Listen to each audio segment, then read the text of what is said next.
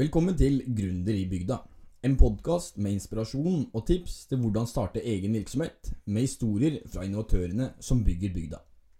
Presentert på Voss i samarbeid med Vekselbanken.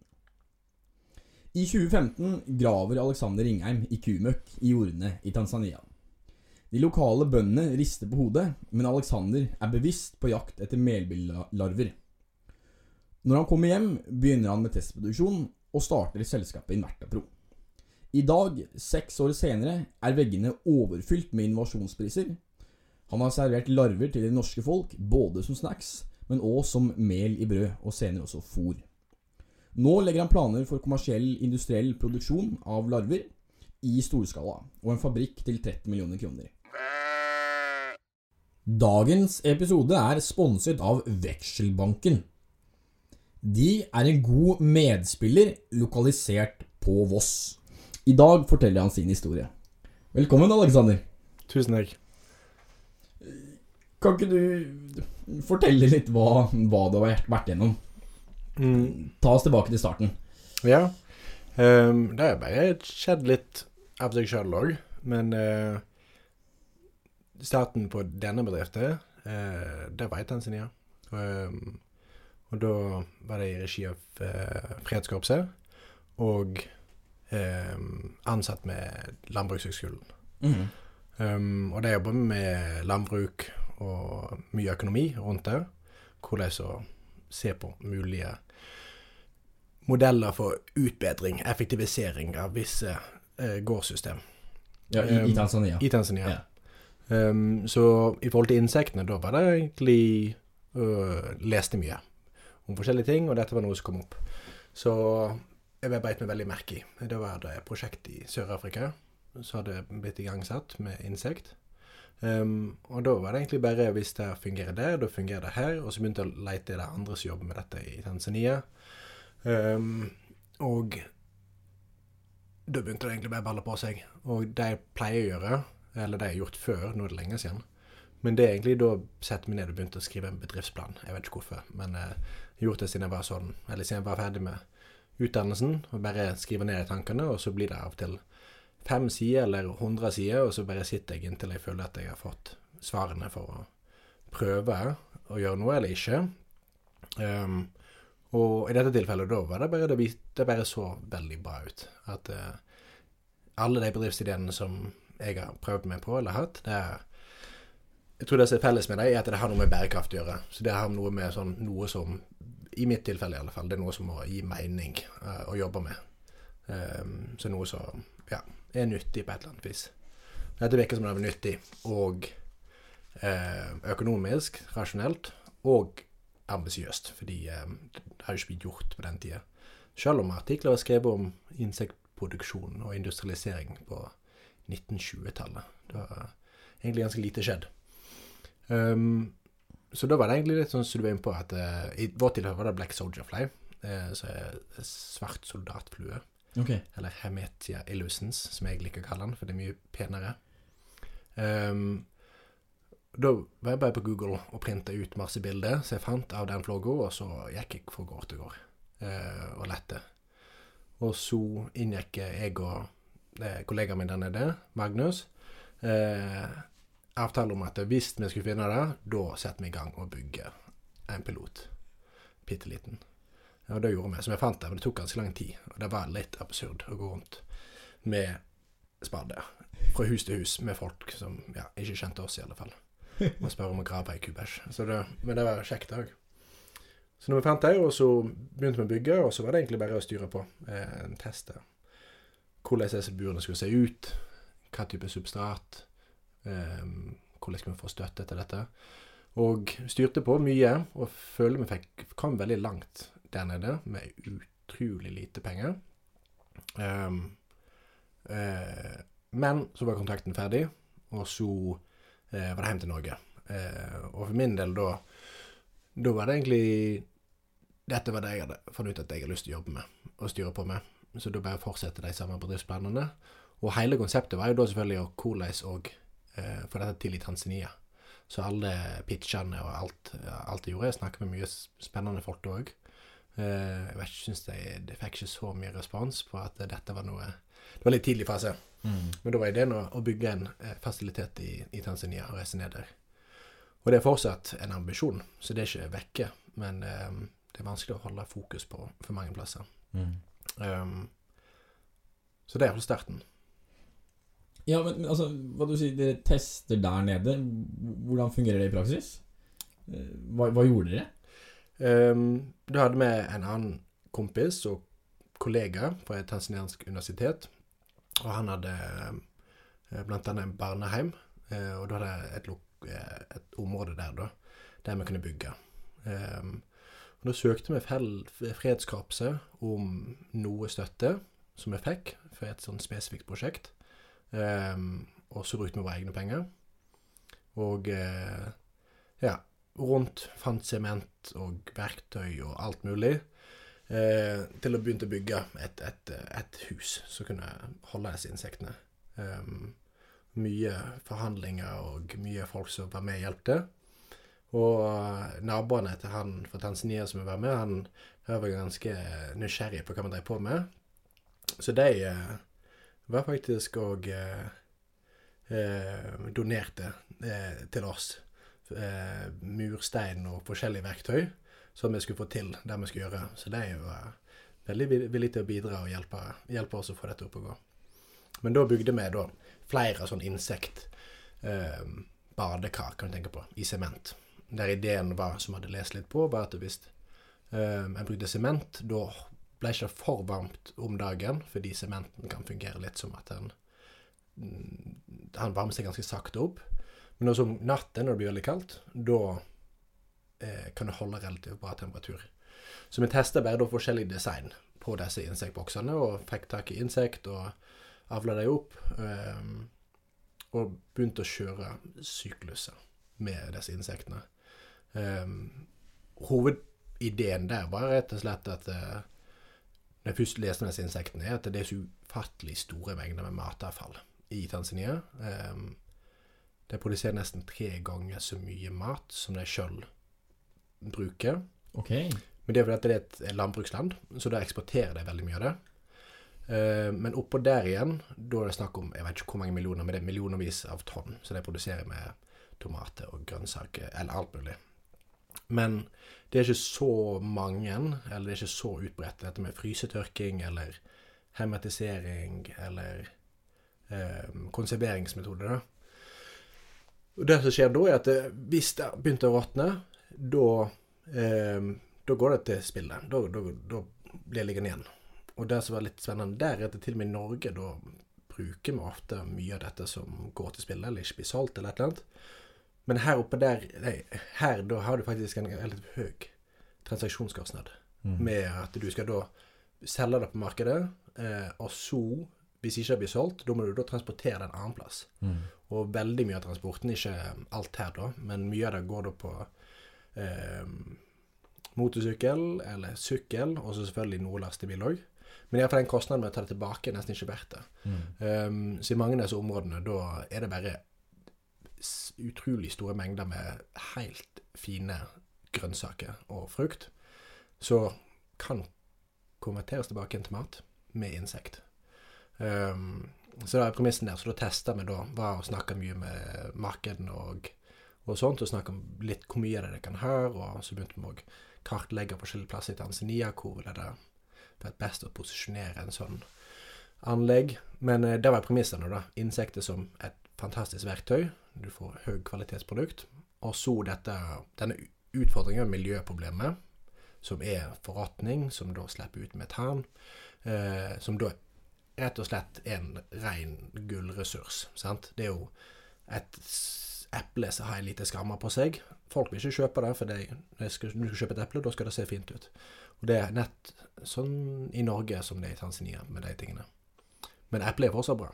Og da når du har millionervis av sånne epler og andre ting, da er jo det fantastisk ressurs. Ja, men altså, disse insektene spiser matrestene. Men hva gjør du med insektene igjen? Med insektene, Ja. da Ja, så vi har masse prosjekt på dette her, men eh, å teste hva kan vi mater dem og ikke mater dem med. Og de eter stort sett alt. Eh, så forestiller jeg det i forhold til regelverket, da. Hva vi lov ikke gjøre, og det er litt land til land. Um, men når de vokser opp, eller når de er i siste fasen, uh, da høster vi dem, og så tørker vi dem, og så lager vi dem om til et mel. Okay. Og det melet kan da brukes som eh, avhengig av hva vi mater dem med. Eh, så til mat, og da er, veldig, da er det egentlig helt rene ressurser. Vegetabilske ressurser. Og til fôr, da kan vi bruke litt andre ting. Men eh, per i dag er det òg kun vegetabilske ressurser. Eh, men da kan det bli fôr til fisk og fjørfe eller hva som helst. Pet food. Og så ellers til mat. Ok. Og som er biprodukt. Sant? Så insektene er ene produktet, og biproduktet er da eh, insektekskret. Insektbæsj. Eh, frass heter det. Um, og det er et plantegjødsel. Blant annet. Men det er òg andre ting vi har forska på nå, i lag med andre. Så vi kan da lage en til sirkel. Så dette handler om å lage sirkler i sirkler i sirkler. Ja, for det er sirkulærøkonomi da, som kommer inn her. Ja, Ja. Det er det som er min motivasjon. Det er det jeg syns er spennende. og Jeg tror det er det, Hvis jeg snakker for hele laget, da er det det vi syns er spennende òg. Mm. jeg tror at det er helt nødvendig. Det er sånn verden fungerer. Sant? Det er sånn alle andre økosystem fungerer. Og det er der giret og motoren vi skal kjøre på. Så det er utrolig privilegert å kunne jobbe med noe som jeg syns gir rasjonell mening. Ja, for, for altså, ta oss tilbake. Altså, 2015 så er du i Tanzania. Hvor, hvor lenge er du der? Eh, nesten to år. Nesten to år. Ja. Og så kommer du tilbake til Norge og Voss. Ja. Og lanserer Invertapro som et selskap her. Stemmer ikke det? Jo. Jo. Hvordan Altså, du må jo, du må jo finansiere den oppstarten. Ja. Hvordan, hvordan fungerer det? Um, ja, da var det en periode med å skrive på disse planene og gå rundt og pitche til forskjellige folk som kanskje tenkte å kunne hjelpe meg. Masse telefoner. Det er ni av ti som ikke er interessert. Mm. Eller mer. Det er sikkert 49 av 50 som ikke er interessert i det hele tatt. Um, så når vi startet opp, da fikk jeg napp på oss, som var eh, Jon Gjerde, som òg syns sånne ting er veldig spennende. Um, så da var han med eh, i oppstarten og med den initielle kapitalen. Og så Magnus fra Tanzania. Han hadde da egentlig en, en annen jobb i Oslo, men hadde veldig lyst til å være med. Så da var det eh, oss tre som startet selskapet eh, i 2016, oktober. Og altså, hvis man eh, altså, ser altså, Da er du også med på Eller ikke med på, men, men senere så har du blitt prisgitt eh, ekstremt mange av disse innovasjonsprisene. Altså, henger dette sammen? Altså, altså, du starter og pitcher ideer til folk, og også deltar på disse konkurransene? Eller? Om det henger i hop med Ja, altså oppstarten. Altså det å dele ideen til andre. Ja. Altså dele ideen med andre. Fordi disse prisene tilsier jo at du har vært aktiv. Ja. Ehm, jeg veit ikke. Det, det er jo Jeg syns jo at det er vi som lag vi jobber. Vi, Mm. vi, vi jobber hardt. Så vi, vi har gjort så godt vi kan hele veien. Og så er vi heldige på den måten at dette er nytt. sant? Det er litt merkelig. Det er noe som er annerledes. Og um, og folk ser jo det òg, sant. At det, det er noe som er spesielt. Det er litt høy risiko, spesielt i en tidlig fase. Um, og det er veldig fint at det er, at det er noe som blir verdsatt. Da. Uh, at eh, vi prøver. Vi prøver å få til noe. Og, og da har vi fått mye av den gode tilbakemeldingen og, og disse prisene på forskjellige måter. I, i forhold til Ja. Og det er ofte òg at det, det er flere som vil gjøre samme ting. sant? Så noen av disse prisene er eh, lokale, og der er det Hva er visjonen? Hva er målet? som oss som bygd, Voss. Mm. sant? Eh, og da er det mange ting. sant? Det er jo et, et helt samfunn her. Men eh, da faller vi òg inn under noen av de tingene som andre syns det er viktig å satse på. Eh, disse eh, avfallsprisene, for eksempel. Avfallsbransjen i seg sjøl, det er noe vi kan snakke om i timevis, som jeg syns var litt kjedelig før jeg begynte med insekt. Det er Boss-håndtering. Men eh, jeg syns det er helt fantastisk fascinerende nå. Det, det siste stopp før ressursene eh, forsvinner inn i eteren. Sant? Hva skjer med dem? Um, så den grad av innovasjon det er i Norge i dag innenfor avfallsbransjen, er ganske spennende. For det, det, er ikke sånn som veldig mange folk setter seg inn i. Men det er ufattelig mange teknologier som er utvikla der, og det er stort trykk på det som heter da sirkulær økonomi, som er egentlig rett og slett bare god økonomi, da. Der du produserer eller oppsirkulerer, gjør noe dårlig om til noe bra, for så å lage forbedre økonomi. Så i alle fall, eh, forskjellige disse prisene, da er det vi deler da på tvers, eller forskjellige mål med andre folk, som da Ja. Og holdt på å si altså, Du er gründer og daglig leder. Eh, hva går jobben din egentlig ut på? Altså, du har tidligere uttalt at eh, din egen jobb er halvparten utvikling og halvparten bedrift. Eh, Ja. Kan du fortelle litt om det? Jeg synes det er et bra spørsmål. Um, jeg er blitt veldig bevisst på hva, eller bevisst på å tenke på hva går jobben min ut på. Um, spesielt det siste året. Um, så det første jeg tenker på, er at det, den endrer seg hele tida. Og jeg liker, å, jeg liker veldig godt å, å snakke med andre folk eh, om hva er det som er bra, hva er det som er dårlig, hva burde vi gjøre nå. Um, og en ting som blir veldig eh, klart nå, er at eh, når bedrifter vokser fra være én eller et par personer som sitter og sturer på på hjemme eller et lite kontor, og i dag så med et, et, For vår del er vi en stor bedrift, vi er ikke en stor bedrift i en annen kontekst, men vi er elleve stykk i dag. Og da er det hvordan strukturerer du ting, eh, hvordan vi prioritere, eh, spesialisere oss. Eh, så det siste året har det vært å, å tenke på um, Når jeg først starter opp, da er det om å gjøre å bare stå på. Sant? Blod og svette og tårer. Uh, og bare få noe på plass. Sant? Og da er det egentlig å skru i hop det du kan, for å holde et momentum gående. Um, og det er veldig mye sånn minimum viable product som alle mange folk snakker om. Så det er bare hamre det ut, få det ut, få hjulene i gang. Um, og så etter hvert som vi utvikler oss nå, da har vi lyst til å holde den hva heter for noe etos i at vi har høyt momentum. Men nå må òg kvaliteten med det. sant? Fordi at det, nå er vi andre typer kunder, det er andre forventninger til, til hva vi skal gjøre, og hvordan vi skal levere. Så da, jeg liker jo bare å lime noe sammen med ducktape, og så bare få det levert, sant? versus å bruke seks, år, seks måneder på utvikling av et konsept, og så seks måneder på testing, og seks måneder Det kan vi gjøre på to måneder. Sant? Og så får vi, kan vi heller få responsen fra eh, La oss kalle det kundene, da. Um, så på et helt overordnet plan, da er det noe som Dette er jo nytt for meg òg. Så det eneste jeg prøver å gjøre, er bare å være veldig bevisst på um, hvor er jeg flink nå? Hvor er jeg, hvor er jeg dårlig nå? Uh, hvor trenger vi å styrke laget? Um, hvis vi snakker om en dagligdags dag for meg, er det det du lurer på? Nei, men vi kan godt ta det òg. Um, den er jo veldig variert. For at vi som sagt, føles ut som et større bedrift nå, men så jobber vi med veldig mange ting. Så da blir vi alle litt poteter, selv om den spesialiseringen absolutt begynte å, å kicke inn nå, der vi, vi har Noen er veldig flinke på den tingen, den, den tingen. Um, så en hverdag for meg er um, varierende hver eneste uke. Men det er, i denne perioden nå, da er det mye eh, samtaler med investorer, potensielle investorer.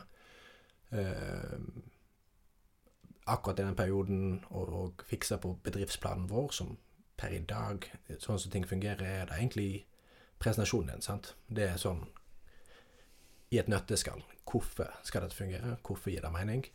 Um, og så er vi på mange prosjekt, så nå driver vi på å utvikle et nytt produkt som vi forhåpentligvis lanserer i løpet av en måned. Eh, Det er designarbeid. Noen er her til lands, noen designer i utlandet. Eh, Forpakninger, eh, produksjonsmetodikk rundt det. Eh, Dagen i dag, planlegging av nytt maskineri, budsjettering. um, Hvor skal vi sette vekter? Uh, I forhold til finansiering. uh, nå driver vi på å jobbe med noen nasjonale og internasjonale uh, utviklingsprosjekt. Og hvordan skal vi posisjonere oss da? sant? Det er masse konkurranse der ute. Hva gjør at vi er spesielle, og hvordan skal vi eh, utkonkurrere de andre? Så i dag hadde vi to timers møte om det. Eh, pleier å slite litt med å huske dagen. Eh, prøver liksom å nulle ut etter dagen. Så dette er litt av dagen i dag, sånn ting jeg har vært innom. Dagens episode er sponset av Vekselbanken. Er du i markedet for å kjøpe en ny bolig? Da kan du ha go god nytte av å lese gjennom Vekselbanken sin seksstegsguide på boligkjøp. Den finner du på vekselbanken.no slash tema slash bo. Ja, men ellers er det eh, prosjekt, utvikling eh, med deg. Eh, jobber med investeringer, jobber med salg og opp mot kundene som er her. Eh, jobber mye med andre, Jeg prøver å hjelpe andre steder. Eh, en god del modellering innenfor økonomi og rapportering. Eh, jeg tror denne lista er faktisk Jeg, Jeg, jeg nå bare ramser opp ting. Men eh, det har vært en spennende ting, da. At eh, spesielt i en startfase, da OK, du kan ikke bare hyre inn en advokat eller en regnskapsfører eller en designer, sant? Eller noe som helst, for så vidt. Så hvis du skal få det gjort, da må du være få det gjort. Um, og jeg tror Være de rollene selv. du, jeg, jeg må det. Sant? det, det du, har, du, har ikke noe, du har ikke noe valg. Mm. Uh, det, du må bare finne ut av det. Og noen ting, da må du kanskje spørre noen andre om hjelp, men du har liksom aldri det alternativet, eller ofte, å bare hyre inn en konsulent. Bare la deg ordne det. Um, så det syns jeg har vært en veldig fin opplevelse, da. Det er veldig frustrerende tider. Å måtte liksom bare på Google og YouTube, og så bare OK, her er mal. Lese litt teori, bla, bla, bla. Og så spikre i hop et eller annet. Men um, Men det har vært veldig en fin, fin ting, sant. Eh, ikke at jeg har vært flink på alt, for det er jeg nok helt sikkert ikke. Men vi har fått levert på veldig mye av det. Og det er bare sånn Ja, det går sånn òg. At eh, en får til det òg, hvis en prøver. Ja, og det er jo interessant å du sier, fordi eh, sånn, Vi kommer litt tilbake til det, men Ivertapro leverer altså, til bedriftsmarkedet som, som fôr. Men dere har også laga flere eh, også laget flere undermerkevarer, altså sånn som Larveriet, som produserer tørka larver som snacks. Hva, hva er tanken her? Um, ja, det var egentlig ganske tidlig, og det at det, det er så forskjellig eh, segment. At um, frass, plantegjødsel, det er jo helt annen sektor. Og så har du fôr for seg, og mat for seg, så laveriet, mat, Invertapro er liksom ja, det store selskapet, eller store selskapet, det er liksom Mm. forskning og alt mulig og fôr. Og så bløme, som er da plantegjødsel. Mm. Eh, men i forhold til mat og gjødsel, da var jo òg ideen at dette det, disse må profileres på en forskjellig måte. At mm. du kjøper ikke middagen din fra samme produsent som lager Kattemann. Eller ikke mange folk gjør det. Um, så da er det veldig, viktig at de må profileres og markedsføres på forskjellige måter, og få sitt eget brand. Mm. sant? Um, og sammen med bløme, da Det er tre underkategorier nå. Um, så da må vi prøve å holde rene linjer mellom de tre. Ja, altså det det er fôr, og så er det larveriet som er liksom snacks og, og sånt, og så er det bløme som er gjødsel. Ja. Stemmer det? Ja. Og eh, si, det havner vel under merkevaren larveriet. Altså, det er et samarbeid med Bakhuset, hvor dere selger eh, brød eh, med knuste larver i melet. Eh, Norgesgruppen er vel også med på laget der. Kan du fortelle litt om det? Ja, det var eh, veldig kjekt. Det var prosjekt da i første omgang. Eh, der vi hadde 40 butikker, eh, menybutikker, og jeg tror vi skulle lage 40 000 brød. Jeg tror det ble til slutt. Eh, men da var det nesten et år med utvikling. Hvordan en dette. Og det er veldig stor risiko for et veldig etablert selskap. Eller etablert Det er jo kjempestort selskap. Eh, Bakhuset, Norges største bakeri, og Meny. Eh, hva skjer med deres branding? sant? Hva, hvis dette går galt? Er det trygt? Er det alt mulig? Så da brukte vi et år med bare liksom å gå gjennom steg for steg alle disse tingene, og så lanserte vi det. Så fikk det veldig mye oppmerksomhet når vi gjorde det. i media osv. Um, og så ble det bestselgende brød i mange butikker. Oi. Så da hadde jeg tatt inn den informasjonen og bearbeida det internt. Um, så nå er jo det skissete at vi skal prøve på nytt, men i mye større omfang. Så det er det som vi jobber med nå. Um, jeg veit aldri, sant. For det, det er veldig mye egentlig å si for deres del. Går det mye på statistikken. Hva er preferansene og interessene for kundene? Kundene? Um, men vi har nå jobba aktivt i et år med, re, med, med, dette her. Jeg kan ikke si for mye om det, men intensjonen er at vi skal gjøre dette her i mye større omfang. Men tallene, stjernene, må være på rett plass. Mm. For at uh, de baserer seg på Hvis jeg kan sette inn et produkt i en butikk, da må det selge. Mm. Og så da gjør de sine beregninger på sin måte. Mm. Men uh, intensjonen fra vår side, og fra deres side, er at dette får vi til. Men, men, hvordan kom altså, Du nevner Norgesgruppen og Meny, eh, og også bakeriet. Hvordan kom det samarbeidet i gang?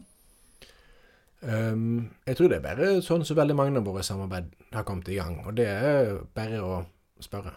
Sant? Mm. Um, en kommer i kontakt med folk, en prøver å møte folk. Um, og så er det egentlig bare å fortsette. Så jeg husker egentlig ikke helt hvordan den begynte, men det var nok sikkert at vi sendte en mail og forklarte hvem vi var og hva vi ønsker å gjøre, eh, ønsker å gjøre eh, og om vi kunne få til noe her. Um, og sendte sikkert ut til veldig mange, men det var en av de som da kom tilbake positivt. Og så har du da ofte månedsvis med initielle møter eh, for liksom å at det, De sikrer seg at de føler seg komfortable med, med oss som aktør, og så, så andre veien. Mm. Um, og så begynte en å låse seg inn i et, et leveringsprosjekt. Mm. Ja. Er altså, den snacksen en del av dette, eller er det et selvstendig eget prosjekt? Den snacksen er jo egentlig Da det bare vært meint som et sånn minimum viable product. Bare for ja. ut noe på markedet. Så den har vært der hele tida. Og det har vært ganske mye Veldig mye til tider, og så ganske mye til andre tider. Eh, etterspørsel etter det.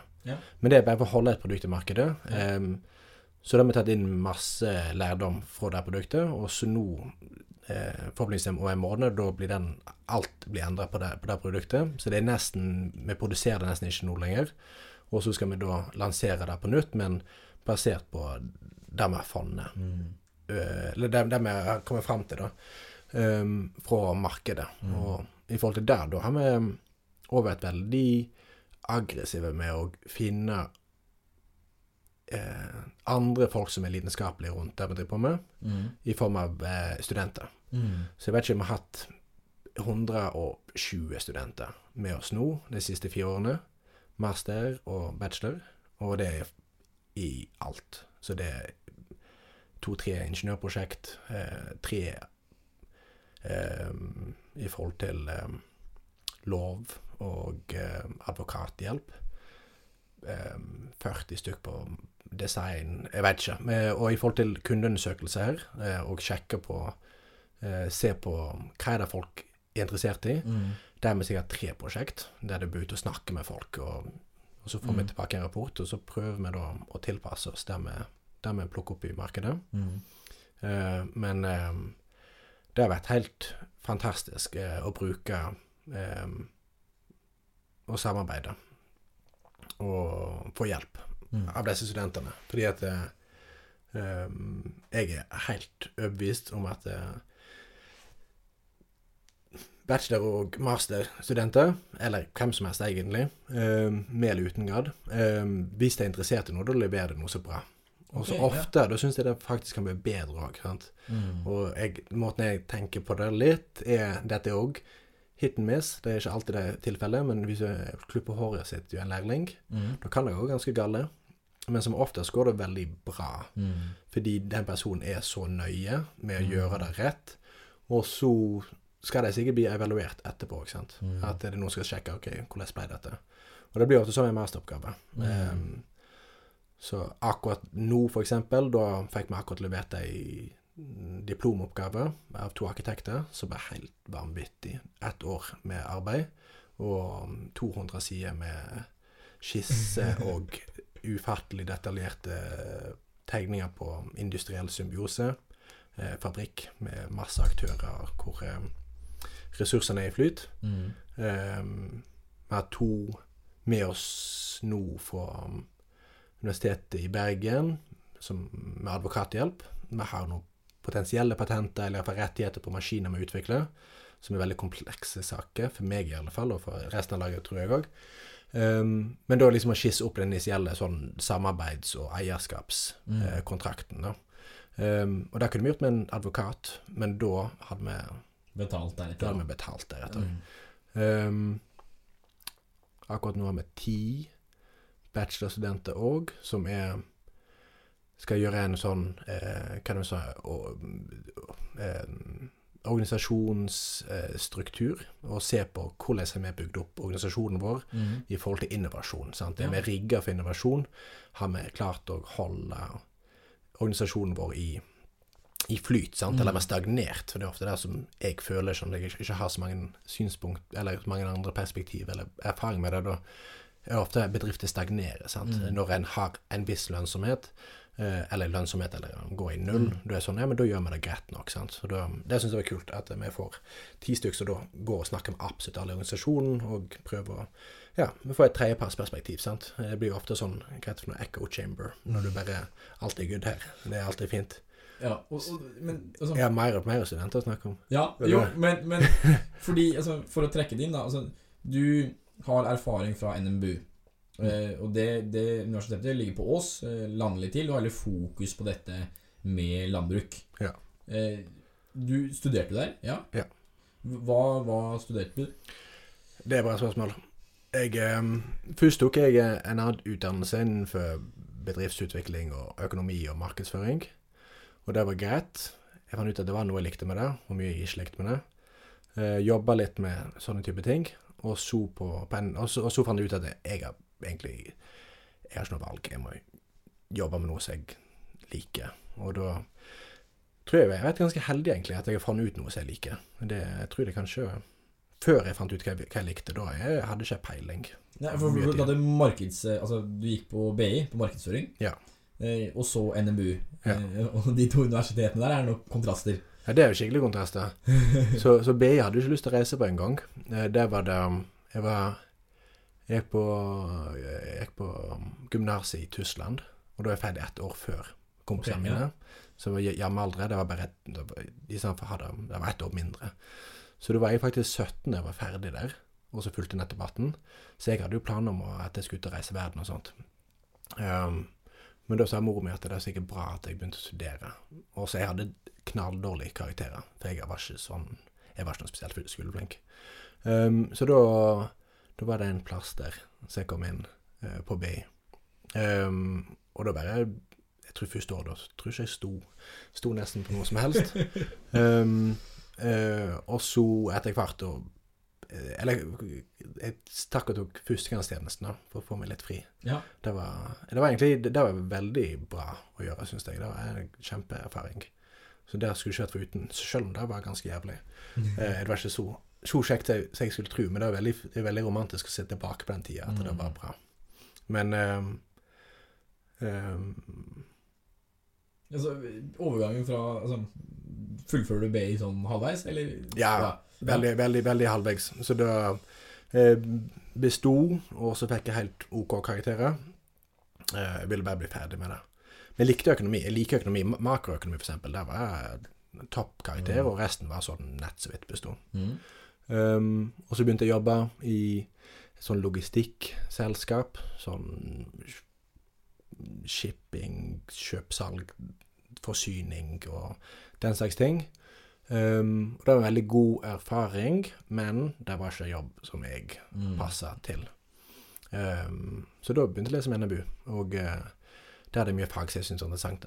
Så det, det er egentlig det som var spørsmålet ditt. Hva, hva var det jeg studerte? Ja. Og der Det er en lang måte å si det på, men eh, eh, jeg er mye sånn Det var en blanding, da, med forskjellige fag. Og mesteparten var innenfor miljø og økonomi, og så økologi, politisk Jeg valgte de fagene jeg syntes var spennende. Mm. Politisk økologi, hva er læren om hvorfor, hvordan forholder vi oss til naturen fra et historisk, politisk perspektiv, som jeg syns var helt fascinerende. at eh, hvordan disse tingene er i endring, og hva, hva forhold har vi til det. Og ellers var det ganske mye vitenskapelige fag jeg tok, sånn utføre Ja, drive på med vitenskap-ting. Um, Hvilke år er vi i nå? jeg er veldig dårlig på år. Uh, jeg tror vi er i 20 2012 og 13. Eller kanskje 2011, 12 og 13. Ja. Noe i den dur. Ja. Hva, hva, hva gjør du mellom NMBU og starten i Tanzania? Hva gjør du den tidsperioden der? Um, ja, eller først tilbake til, NMBU, da. Mm. Det, det, det, er fagene. Um, så det bare en god blanding av alle disse fagene. Og uh, uh, fikk reise mye når jeg var der. Og for første gang da likte jeg de fagene jeg hadde. Så er jo sånn på barneskolen og på ungdomsskolen og på, på gymnaset og på første utdanningen. Da var det egentlig nett så vidt å bestå.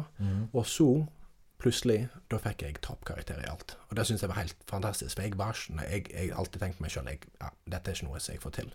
Så det var en kjempe sånn Det var veldig fint, sant. Og liksom å være så liksom å liksom være alltid den som er nett så vidt består. Og så, når jeg fant noe som jeg likte, da fikk jeg toppkarakterer. Publiserte en del, fått publisert i store journaler etterpå.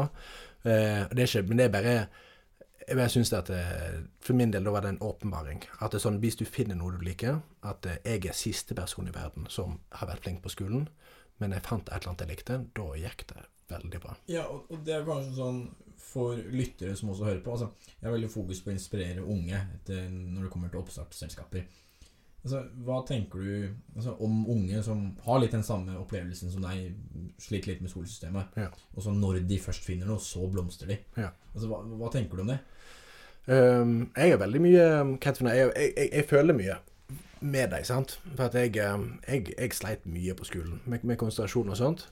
Og så er det, det er frustrerende, fordi at eh, det er folk Ofte de er folk som har ufattelig mye energi. sant? Det er ofte et av de problemene, iallfall i mitt tilfelle, Ja, litt i mitt tilfelle iallfall.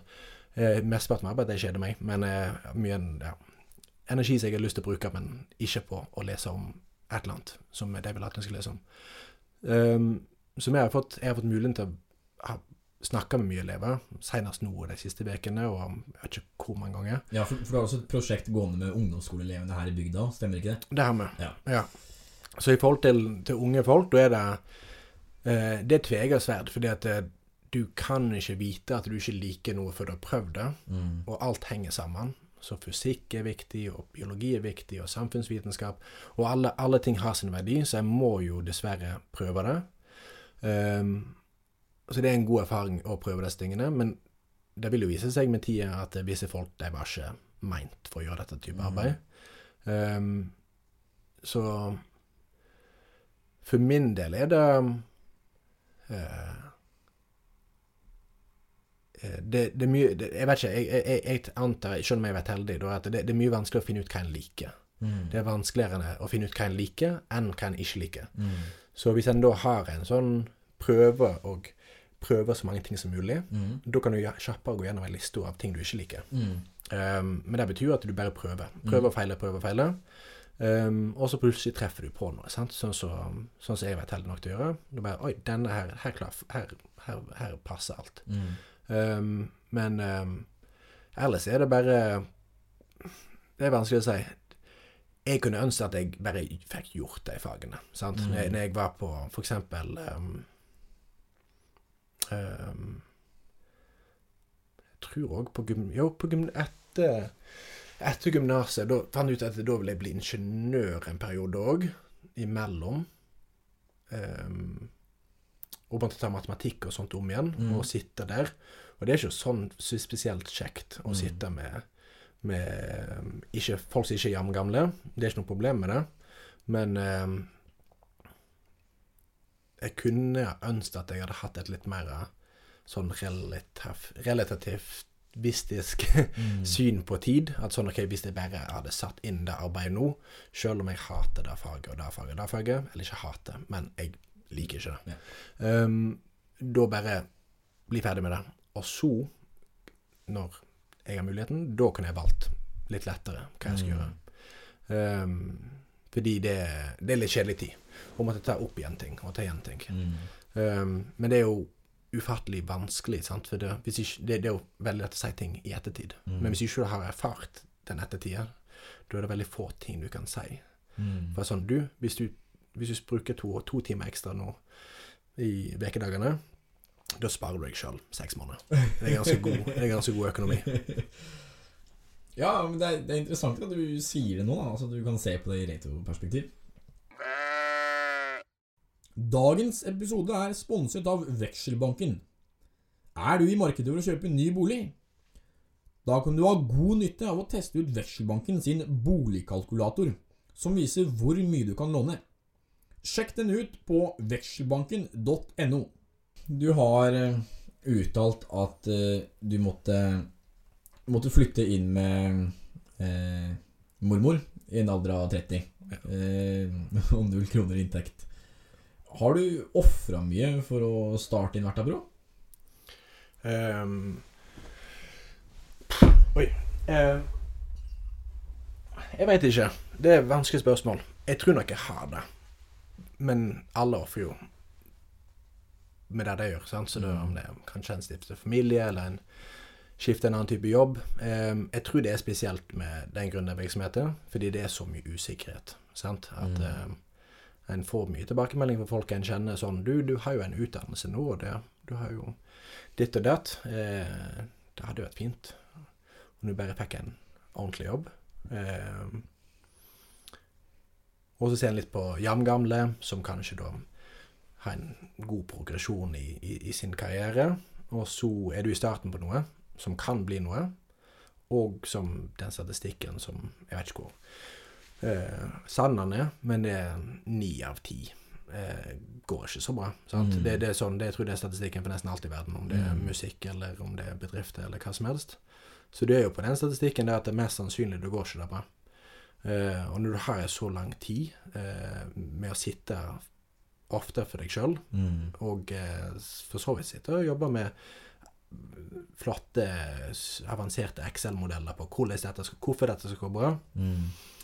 Eh, det er mye En må liksom eh, Det må ligge noe der. Så i forhold til offer, da tenker jeg at eh, sånn økonomisk sett, da ofrer du, sant. Du kunne Mest sannsynlig de fleste kunne sikkert valgt en, en jobb der, der det er mer sikkerhet. Tid, da ofrer du. Eh, Mm. Spesielt i en oppstartsfase. Du er fullstendig oppslukt, og helger forsvinner, dager forsvinner.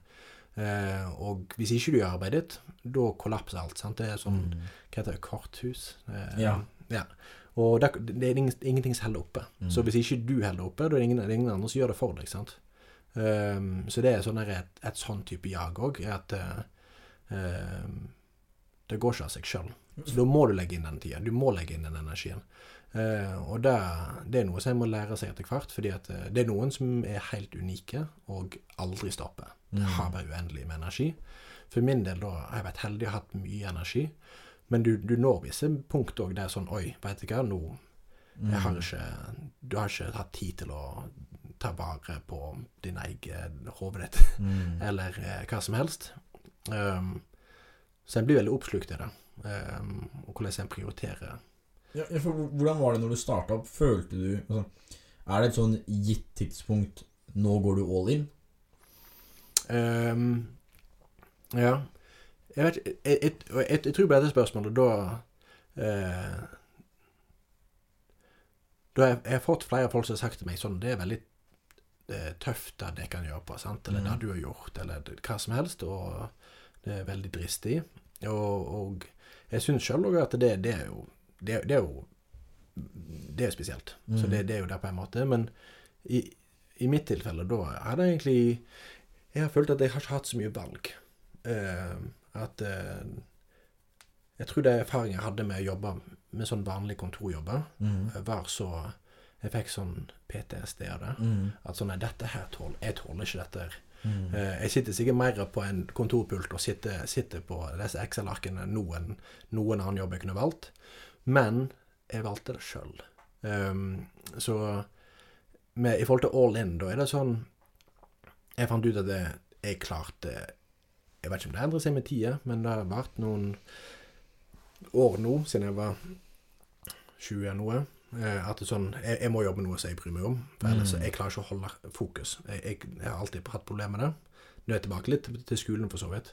Og Hvis ikke jeg er interessert i det, da klarer jeg ikke å fokusere meg på det. Jeg klarer ikke å late som. Hvis du skjønner hva jeg mener? Ja, men det interessante er jo at når det er noe du bryr deg om, så Ja. klarer du det. Ja. Det er fascinerende. Ja, men det er helt merkelig, sant. Og det er sånne eh, Noen folk som jeg eh, Det er sånn Folk på skolen som bare Det er bare plukker det opp med en gang. sant? Og det er bare Å, hvis Det er bare OK, men da lærer jeg meg det. Uh, og det er veldig flott. Jeg kunne ønske jeg var en sånn person, men det var ikke tilfellet for meg. Mm. Så da må det bli noe som jeg er interessert i. Og i dette tilfellet, i forhold til all in, da var det bare sånn OK, jeg syns eh, alt ser ut til å stemme ganske bra her. Dette er mulig. Dette er mulig å få til hvis en bare jobber hardt nok med det, Mm. lenge nok med det. Um, um, og jeg tror egentlig sånn av de tingene Hvis jeg har lært noe de fem årene, jeg håper jeg har lært noe Men uh, det jeg ikke forstår, er gründere, eller to be folk Mm. som vil starte et eller annet, um, som ikke er lidenskapelig for det de gjør. Mm. Det syns jeg er helt, helt absurd at det er mulig. Eh, fordi at eh, det, det Uansett hvor bra utviklingen de er med, Jeg føler med at det er veldig bra ut, utvikling. Da er det fortsatt så ufattelig mange sånn berg-og-dal-baner Mm. som du går i, at jeg tror uten at du jeg, Nå tenker jeg at du har andre intensjoner, sånn sånn at dette kommer jeg til å tjene jæklig mye Mm. penger på, eller dette får du jeg ikke, noe annet ut av det. Jeg vet ikke status, eller det er kult, eller et eller annet. Mm. Men eh, hvis, hvis det er liksom de, sånne ting som driver deg, eller at det er sånn dette er eh, Jeg vet ikke hva folk tenker. Uh, men uh, hvis ikke du har den driven for sånn her, OK, hvorfor driver du på med dette her? Uh, jeg skjønner ikke hvordan noen bedrifter som har vært vellykka, noensinne kunne vært bygd uten det. Bortsett da hvis folk har masse penger fra motto, motto eller faren sin. Ja. Da kan du egentlig bare brenne så mye du vil, og så Ja, da, da trenger du ikke så mye lidenskap. Mm. Men med unntak av de folkene, da, da eh, det, det hadde aldri vært mulig. Mm. Eh, jeg hadde gitt opp ganske snart hvis dette var sånn kjappe penger. Mm. Ja. ja, og det er fascinerende at du sier dette med eh, Altså det med skolegang. Fordi i dag så leder du vel, leder du vel mange ingeniører. Eh, du nevnte litt på hvor mange ansatte det var i dag. Hva, hva går de stillingene ut på? Mm, nei, det er forskjellig. Um, vi har meg, som jeg har forskjellig bakgrunn. Um, vi har en økonom, vi har en annen økonom. Vi har to med gode biologibakgrunner. Uh, vi har to um, så Han ene jobber med ingeniørsaker, for han jobber med insekt- og er veldig interessert i det. Vi har mer en vitenskapelig bakgrunn Mm. og så en ingeniør. Um, og så litt innenfor markedsføring. Um, og så en for produktutvikling. Ja. Og så noen som jobber med produksjon. Um, og så har vi da masse ringer rundt oss. Sant? Vi har ufattelig mange forskningsprosjekt, uh, og har gjort det bra der. Um, så sånn sett jobber vi med masse andre biologer og ingeniører og, og sånt på veldig spesialiserte prosjekter. Mm. Um, ja. Når, eh, altså, når dere vokser, så krever det også økte ansettelser. Hva, altså, hva ser du i folk? Hva kjennetegner flinke folk? Ja. Eh, igjen, da, jeg syns det er litt sånn merkelig å svare på disse spørsmålene, for jeg, dette er jo nytt for meg òg. Så dette er jo bare ut ifra den erfaringen som vi og jeg har hatt. Eh, personlig, når jeg leter etter det, da eh, Det er flere andre som snakker om dette, men eh, jeg syns at det Jeg, jeg leser CV-en sånn én gang, eh, og så eh, leser jeg coverletter ganske bra. Ja. Eh, fordi at det er veldig mange som sender coverletter. Og så jeg prøver å se om det er copy-paste inni der. Ja. Sant? Eh, fordi sånn, at noen skriver kjempebra eh, coverletter, Ja. men også bare skifter det i bedriftsnavnet, f.eks. Ja, ja. Sånn, sånn der, jeg eh, er superlidenskapelig, og dette er motivert til å bidra i teamet og jobbe selvstendig og bla, bla, bla. Eh, og så er det copy-paste. Så hvis jeg ser at det er noe copy-pasting der, eh, da bare kaster jeg ut den CV-en. For det betyr at den personen egentlig Det har har ikke satt seg ned og har lyst til å søke på den jobben. Um, så det er sånn pre-screening er det ganske enkelt sånn sett. Sånn CV-en er ikke så viktig. Bare OK, treffer du der og der? For jeg tenker at folk kan være flinke, men det betyr ikke at det fungerer i Mm. team. og så den coverletteren, men det er alt du har til å starte med, og så intervjuet. Um, da leter jeg egentlig bare etter sånn Alle klarer liksom å Alle klarer liksom å vise seg fram fra sin Mm. beste side på et intervju. Um, så den er litt vanskelig. Men det er å prøve liksom å finne ut hvem er denne personen egentlig. sant? Fordi eh, hvis du har fem minutter eller ti minutter, da, eller en halvtime eller en time, du klarer liksom å komme deg gjennom det. Mm. Sant? Men det kan vise seg at du er en drittsekk eh, eh, seinere. Så det eneste vi har gjort med den, er at vi bare kjører flere og flere intervju. da. Mm. Um, og uh, lengre intervju, og bare virkelig prøve å finne ut hvorfor er den personen motivert. Er den, hvor, hvor ligger den motivasjonen? Uh, og selvfølgelig kanskje gi noen Det er litt annet i forhold til stillingen vi leter etter da. For det er av og til det er en annen ting. Så i forhold til laget, hvordan vi tenker på å bygge opp lag, eller iallfall hvordan jeg tenker å bygge opp lag, det er at du må ha forskjellige typer folk. sant? Mm.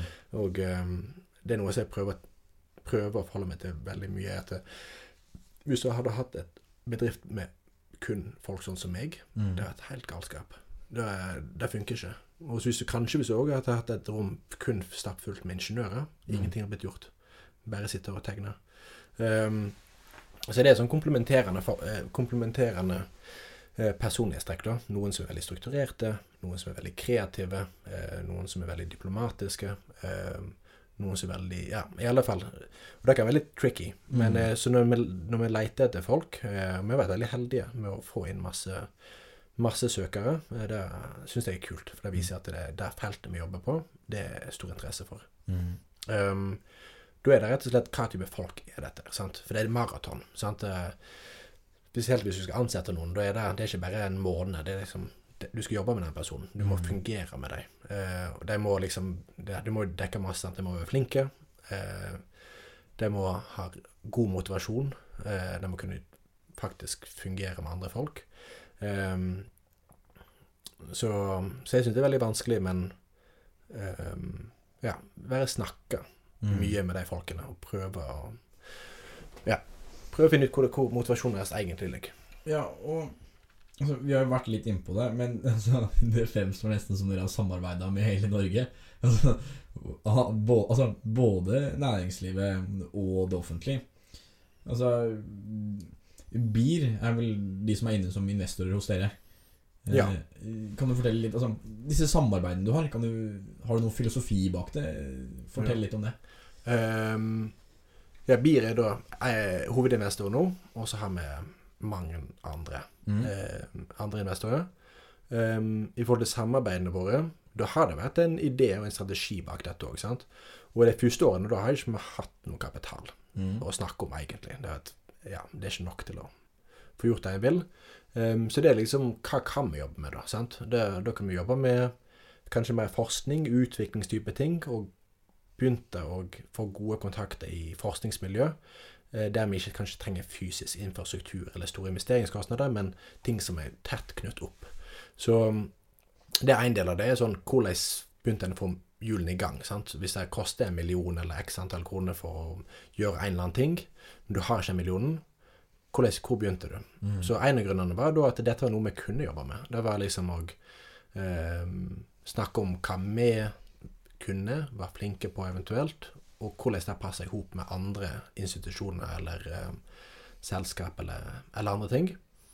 Um, for det andre, da er det rett og slett at uh, da har all den kompetansen in-house. Det er ikke praktisk, det er ikke, det er ikke realistisk for et oppstartsselskap. Så det å prøve å tiltrekke seg um, dyktige folk så innenfor superspesielle felt, eller generelle felt, um, det tror jeg skaper mer robusthet i, um, i, um, i bedrifter.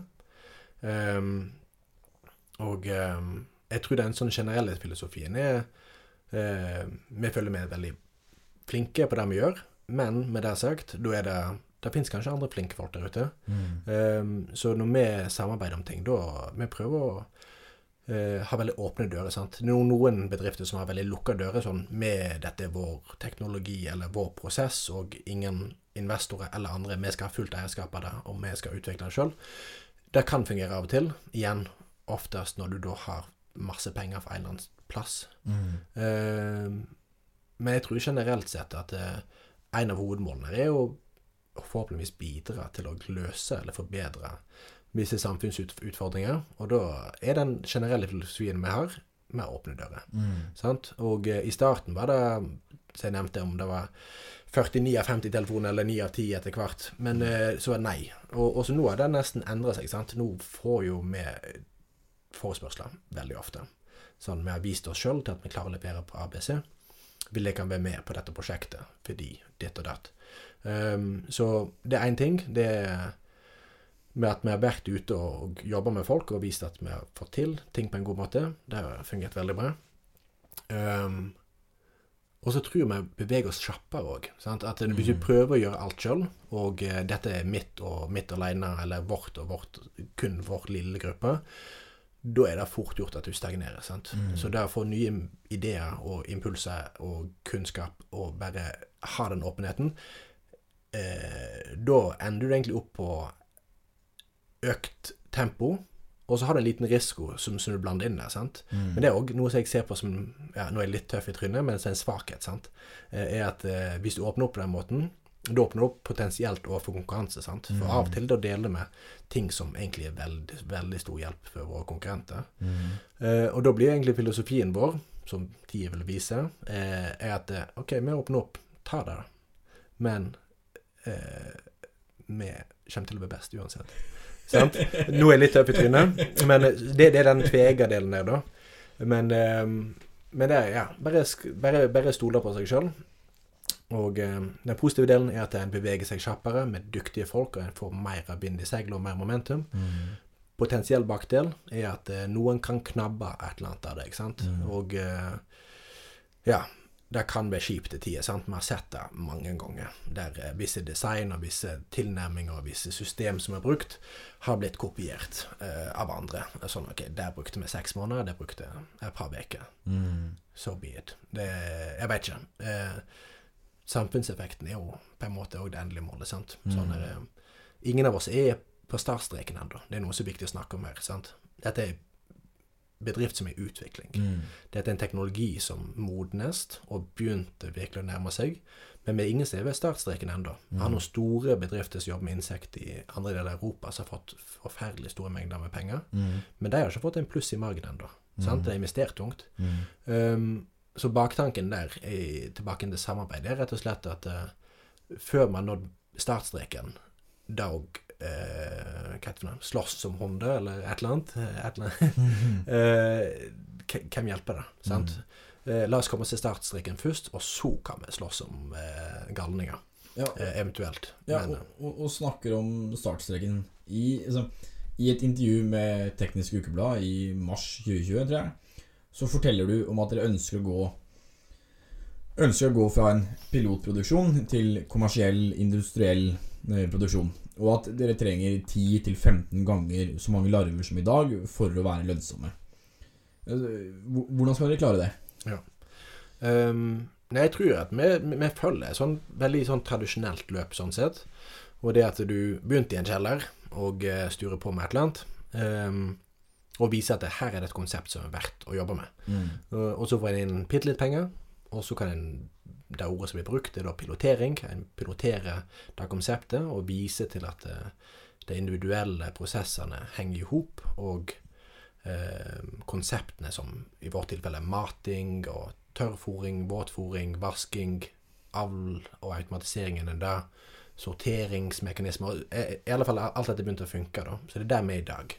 Der har vi hatt nok kapital da, til å utvikle et ganske eh, bra konsept, fakt- eh, bra praktisk eh, system, eh, som viser at hver enkelt av disse delene fungerer. sant? Det er ingenting her som er faktisk en showstopper.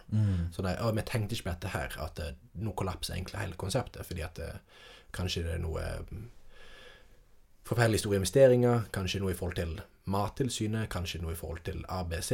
Eh, noe, noe som en ikke har tenkt på i teori, når en driver på og planlagt. Da. Mm. Så da driver en på en pilotering. Det andre delen òg er jo at eh, når du tester, lite kapital, ekstremt høy risiko, pilotering, da får du redusert risikoen noenlunde, og da får du økt andel kapital du kan ta inn. Mm. Eh, og så etter piloteringen Nå skal vi over til noe som heter demonstrasjon. Det er det vi håper på. Det er veldig ambisiøst igjen, så vi får det til. Der vil eh, vise seg, men eh, vi er innstilt på å få det til. Mm. Um, så på en måte er det sånn når du har det konseptet, det er veldig kult å bare hoppe rett til kommersialiseringen, men po poenget er at eh, det går ikke. Mm. Fordi at eh, du har ikke bevist nok for at folk skal, skal tørre å stole på at alt kommer til å fungere. For du skal løse 100 ting. Um, så du må liksom ta det trinnvis. Um, så det ja, som sagt, pilotering har det vært nå i de siste ikke, 18-19 måneder. Og Da Mm. begynte vi med igjen et helt tomt skall. Og vi måtte ta inn alt fra ventilasjon og alt mulig, og så utvikle våre egne maskiner, samarbeide med folk og maskiner osv. Og nå er det stappfullt, eh, og det har gått ganske kjapt, selv om det føles forferdelig lenge ut Mm. eh, å jobbe med det. Da, eller ja, det er kanskje litt mer, siden vi er helt i planleggingsfasen, når vi faktisk begynte å installere. Ja, ja for, så, for, sånn for lytteren sin del. Altså, dere har modifisert utgaver av altså, sorteringsmaskiner for bønner og ris, og, og spesialtilpassa disse for disse larvene. Stemmer ikke det? Eh, det stemte. Okay. Ikke, ikke nå lenger. um, så det vi gjorde, var at vi var rundt og så på masse forskjellige teknologier. Ja. Hvordan vi kunne sortere de forskjellige fraksjonene i det vi høster. Um, og så kjøpte vi inn noen tester da, på dette her. Mm.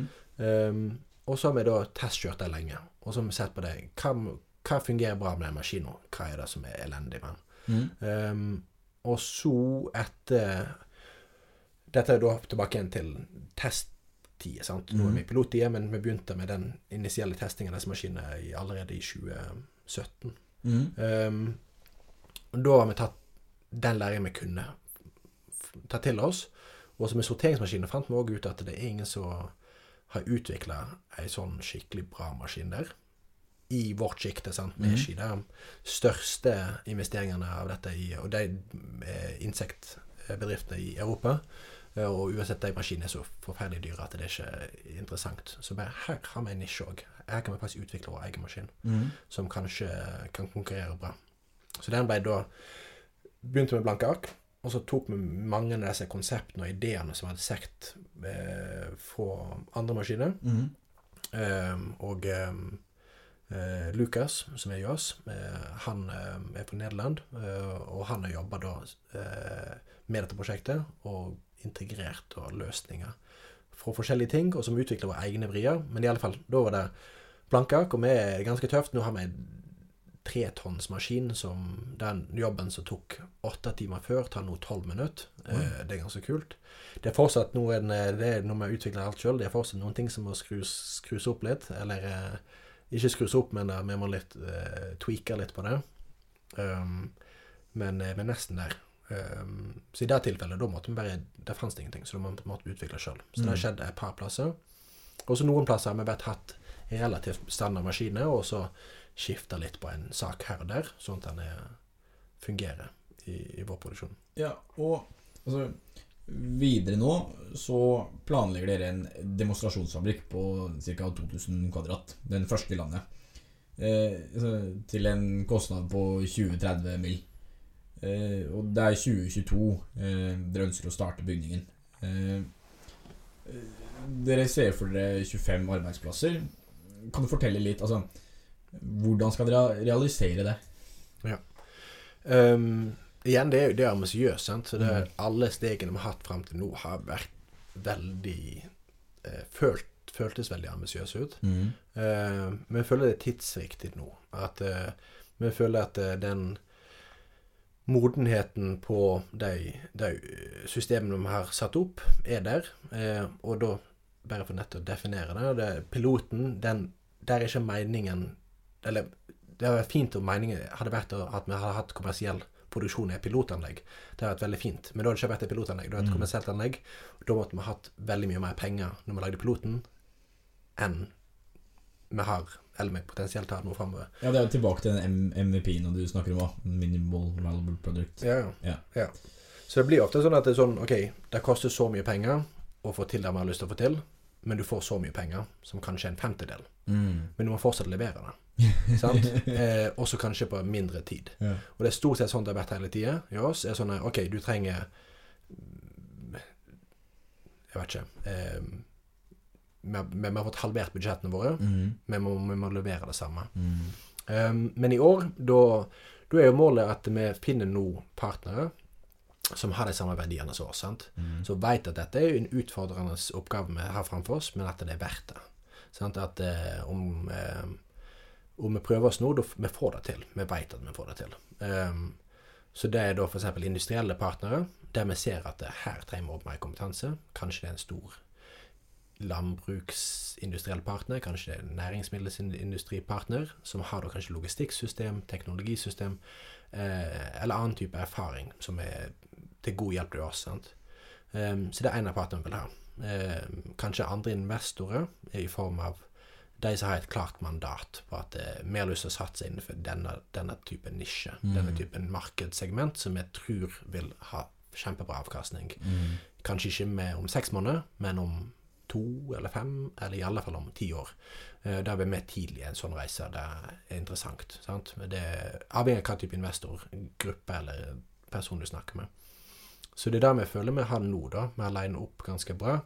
Eh, ei gruppe med forskjellige investorer som har eh, mye overlapp i forhold til verdier, Mm. men også har komplementerende eh, strategisk eh, verdi for oss. da. Mm. Noen fra finanssida, noen fra det tekniske sida. Um, ideelt sett kunne det vært fint å bare hatt én partner å forholde seg til, Mm. men nå når det blir, begynte å bli litt større eh, eh, kapital vi skal ta inn, eh, da ser vi ofte at det er fint å ha en sammensetning av eh, komplementerende investorer. Ja, og det er kanskje også tilbake når du snakka om dette med samarbeid og flere folk. Mm. Ja. Eh, altså, det er nevnt noe med altså, Fidex. Altså, et globalt innovasjonsprogram. Kan du fortelle litt hva er det?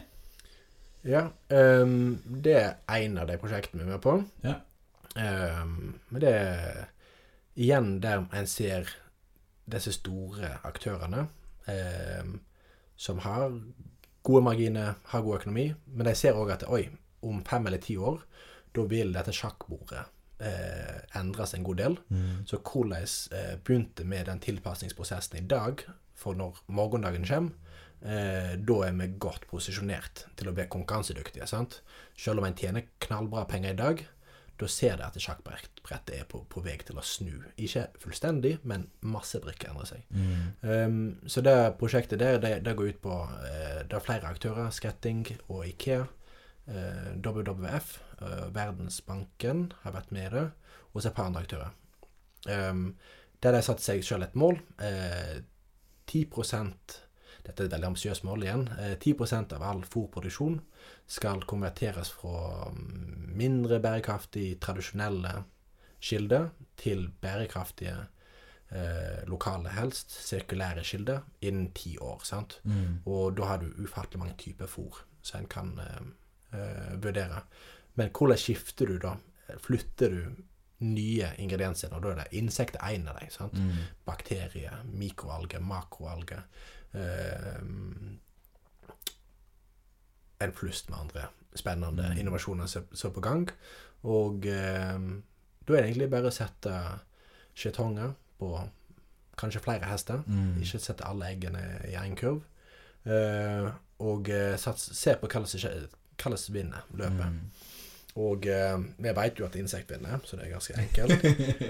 um, men eh, men eh, jeg er helt overbevist om at eh, jeg har et stort problem med å tenke på sånn Brukte masse engelske ordtak nå. Eh, silver bullet, sant. Eh, alltid når vi ser på ting, eller jeg ser ting iallfall i, i eh, aviser og sånt, det er sånn Dette skal redde verden.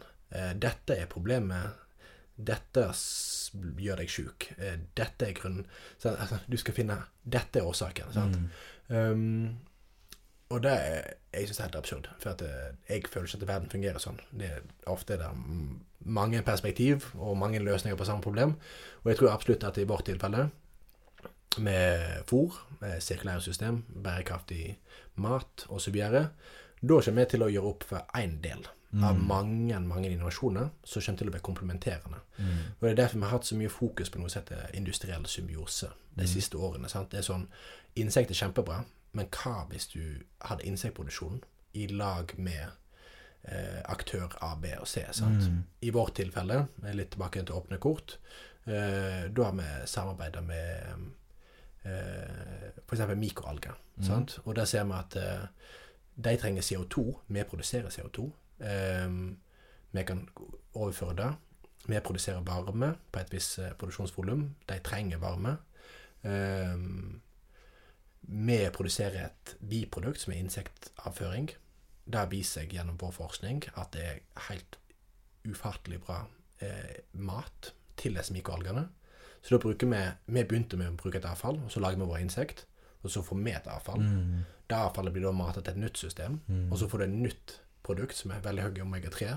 Og så kan du for så vidt ha noen restprodukt der, for da å spesialisere ditt produkt for å få veldig god verdi innenfor visse mineraler, eller ja, for eksempel. Eh, Dette er sirkulærøkonomi i ja, praksis, det da. er sirkulær økonomi i praksis. Så um, poenget mitt der var bare at um, uh, Vi satser jo på insekter, vi tror at dette er et kjempebra plass å satse. Men uh, jeg tror Jeg håper inderlig i framtida at den tenkninga med sånn Nå skal dette ene prosjektet løse alt. Nå skal denne Mm. ene teknologien løse alt. Eh, flott. Det kommer til å gjøre masse bra, og noen er kommer til å styrte. sant? Ni av ti kommer til å styrte, og da får vi bare ha litt is i magen. For det er ikke noe så unikt med Norge. Jeg tror bare vi er ufattelig risikoavers i Norge. Mm. Så da det er sånn Vi tåler ikke at noe ikke går bra. Ikke, jeg, jeg meg, sånn, Ja. det, det er ikke noe kult. sant? Ja. Jeg, jeg syns ikke det er noe kult heller hvis vi skulle, det skulle gått dårlig med oss. Mm. Det er ikke noe kjekt. Og jeg forstår det. Jeg, jeg føler det på kroppen ofte sånn Oi, nå går det ikke helt bra. Det, det, det er tungt. Mm. Men, ehm, men det er faktisk sånn det fungerer. At eh, Du må tørre å ta den risikoen. ja, og det, ja, det er veldig sånn en klisjé å si det. Men, eh, men du, du får ikke en progresjon. Sant? Så Mm. den, den største sånn kritikken som jeg har sett så av de tingene jeg har sett på vårt prosjekt, det kom i, i Bet Bergenstidene. Og det var sånn at eh, eh, Ja, insektproduksjon er, er, er kjempespennende. Men det er en uprøvd teknologi, så hvorfor bruker ikke vi eksisterende løsninger? Så, så hvorfor ta en risiko Ja. på Og så lager jeg fram en sak sånn at det Ja, kjempeflott, men det er ikke bevist. Mm. Men sånn at jeg kan heller ikke bevise det før jeg har bevist det. Mm. Så hvis ikke, hvis ikke vi får muligheten til å bevise det, da, kan jeg ikke bevise det. Mm. Så, men du da har som et sånn standardargument at uh, denne tingen har alltid fungert. Så det er ikke vits å endre på det hvis det fungerer. I visse tilfeller er jo det greit. sant? At det er visse ting som er jækla bra. Vann, f.eks. Det syns jeg er kjempebra å drikke. Trenger ikke endre på det. Eh, eh, cola og sånt det er ikke noe spesielt mye bedre enn vann, syns jeg. Men det er mange ting som du kan Mm. endre på. Og det er masse forbedringspotensial, og det er masse andre effekter. Men, ehm, men da kommer det til å gå galt etter tida. Mm. Um, Hvis du ikke har innovasjon i et samfunn. Altså Du, du Ja. trenger innovasjon og fornyelse. Ja. Mm. Og det er jo for så vidt interessant det du sier med Bergens Tidende. Du trekker også fram at eh, du får nei 49 av 50 ganger. Ja. vi gjorde. Nå er, Ja. det, nå, nå er den ratioen mye, mye bedre. Men det er sånn der, Og jeg, jeg har faktisk ganske store problemer. Jeg liker ikke å få nei. Sant? Så da, Mm. Derfor igjen den lidenskapen. Mhm. Sånn, eh, til og med sånn med på en podkast i dag. Sant? Mm. Jeg syns Jeg liker ikke sånn spesielt å Jeg har alltid hatt sånn eh, fått jernteppe. Mm. Og sånn derre Noe som har med å, eh, å spille musikk framfor noen. Et eller annet i den dur. Ja, Eh, Opptre, liksom. Opptre på noen som helst måte? Nei takk. Det holder meg langt vekk ifra. Men når jeg snakker om ting sånn som i dag, sånn som insekt? Ja. eller det jeg syns er spennende i forhold til sånn utdanning, sant? så sånn problem jeg har hatt der, og hva jeg syns er spennende med det, og Mm. eh, i forhold til når du finner noe du syns er spennende, da liksom Da går det fint. Mm. At eh, hvis du eh, Hvis du brenner for den tingen, Mm. da kan liksom ja, skille de to tingene. Ja, jo, men altså det, Du sier jo at du ikke liker å få nei, men åpenbart så har du fått mye nei i starten. Mm. Eh, Hvordan takler du det? Altså, alle er kritiske, du er underdog. Ja. Altså, Hvordan takler du den kanskje litt oppoverbakken i starten? Ja. Nei, det, det, det er en sånn god miks, tror jeg. I mitt tilfelle, for jeg kan bare snakke om det. Da er det at sånn Jeg veit at dette kommer til å fungere. Mm. Om det er vårt selskap som får det til, det er ikke 100 eh, Om det tar litt lengre tid enn forventa, det kan jeg ikke si noe om. Men jeg veit eh, vet så godt jeg kan vite at dette kommer til å fungere. Mm. Um, så det er én ting å vite at det er et lys i enden av tunnelen. sant? Um, og sånn i tidligere år, da var egentlig intensjonen min for det meste sånn eh, Slåss så lenge du kan, Mm. og kanskje du har vært med og bidratt til Kanskje noen andre plukker opp ballen, hvis du ikke klarer å holde den lenger. Sant? At du har vært med, kanskje en bitte liten måte, og bare dratt den tingen med. Mm. Hive over stafettpinnen til noen andre. Og Det var egentlig nok motivasjon for meg sjøl Mm. i den perioden. Var sånn Levere Være med og utvikle regelverket for Norge. sant? Det fantes det ikke. Eh, Være med og utvikle de første produktene i Norge. sant? Eh, lansere de første produktene. Og bare sånn OK, nå har vi fått gjort det. Da er det nesten puste ut litt. Sånn er OK, kanskje andre folk plukker opp dette. Så hvis, hvis vi nå drukner, da plukker noen opp kjappere den staf- staf- stafettpinnen. Altså, du snakker om lyset i enden av tunnelen. Når har tunnelen vært mørkest? Altså, når, har har du en sånn konkret hendelse hvor det har vært mest utfordrende i selskapets historie? At nå er det veldig nærme at det gikk dårlig? Um, tenker du på meg personlig eller selskapet? Begge, begge deler, for så vidt. Um, det har vært stort sett lyst. Um, og det er litt tilbake igjen til um, Selv om dette ikke alltid er tilfellet. Da er det sånn hvis ikke en trives på jobb, og en har gode kollegaer, da går det treigt, altså. Mm. Um, så jeg må være litt sånn happy-go-lucky. Mm. Og liksom sånn her um, Ja. Rett før jul, da mista vi masse kontrakt Eller vi mista kontrakter. Det var en, det var liksom noen kapital som gikk gale. Eh, ditt og datt.